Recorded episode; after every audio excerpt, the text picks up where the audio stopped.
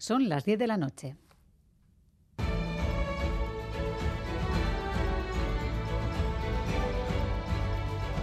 Radio Euskadi y Radio Vitoria.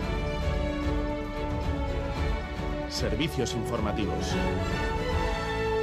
Repasamos los titulares de la jornada con John Fernández Mur, Gabón. Gabón, Miriam, noticias de hoy lunes 30 de enero en el que el PSOE ha anunciado su intención de reformar la ley del solo sí es sí para aumentar las penas con o sin el apoyo de Podemos. Así lo explicaba la ministra y portavoz del PSOE, Pilar Alegría.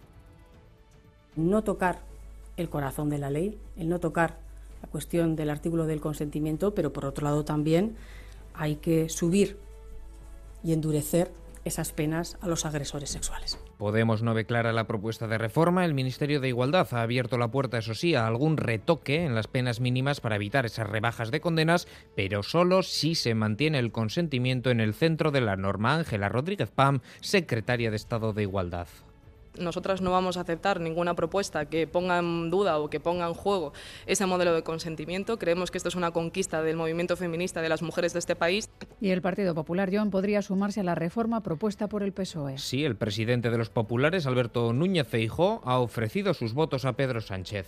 Por tanto, le garantizo el apoyo a la modificación de la ley del solo sí es sí de forma inmediata. Tenga o no votos en su Consejo de Ministros en el Congreso de los Diputados.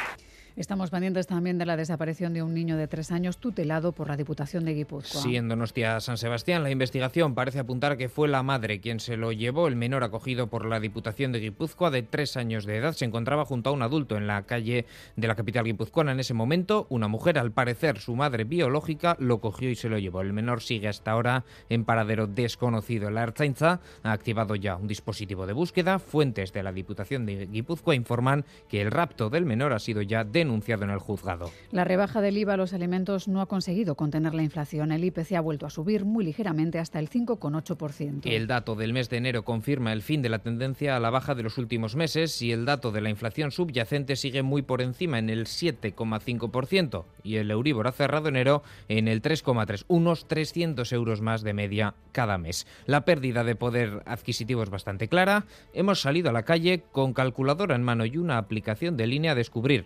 cuánto cobramos y cuánto deberíamos cobrar para mantener la capacidad de gasto.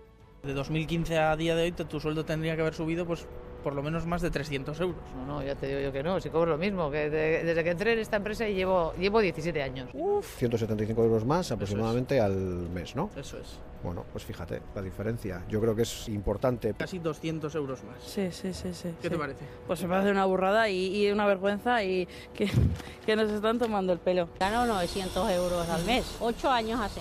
Ahí lo tienes. 1055. Pues imagínate. ¿Tú lo notarías? Claro, se nota. Porque son 100 euros siempre hay mucha diferencia, que hace mucho con eso, ¿no? Para quien quiera descubrirlo, en la página web del INE está disponible esta calculadora llamada el IPC en un clic.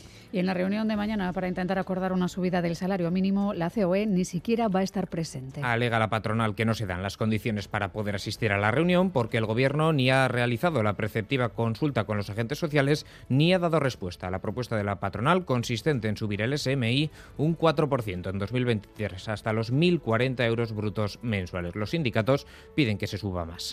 Orza ha presentado su dimisión como diputado. Sí, lo ha hecho, dice, tras constatar que sus aportaciones e iniciativas ya no resultan útiles. Desde hace un tiempo al Grupo Socialista, el exalcalde Donostierra ha hecho pública su decisión en una carta dirigida a sus compañeros del Congreso en la que explica que su renuncia pretende ser un gesto de lealtad al PSOE y a la vez de coherencia con sus ideales. Y uno de nuestros equipos jugará la final de la Copa. Athletic y Osasuna han quedado emparejados en una de las semifinales del torneo del CAO. La otra la disputarán Real Madrid y Barcelona. En, en Bilbao y en Iruña, felicidad cuando han conocido al rival. Estoy muy contento que nos haya tocado Osasuna, sobre todo la vuelta en San Mamés y, eso a ganarles. Osasuna está, este año está bien. Ojalá gane, sí, sí. Lo que queríamos todos, yo creo, y encima la vuelta a San Mamés que va más fácil. Pues mucho mejor que Madrid y Barça, a ver si tenemos un poco de suerte y, y llegamos a la final. Lo he hablado con una amiga, le he dicho, joder, ojalá, porque así entre el Madrid y el Barça que se vayan ellos y a nosotros a ver que ahora el Osasuna está, estaba bastante bien en la Copa, pero vamos, yo creo que igual es un poco más fácil para nosotros. Osasuna Athletic, que gane Osasuna, ¿no? Aupa Osasuna. Es todo, así terminamos. Más noticias en una hora y en todo momento en itv.eus y en la aplicación ITV Albisteac. Geruarte.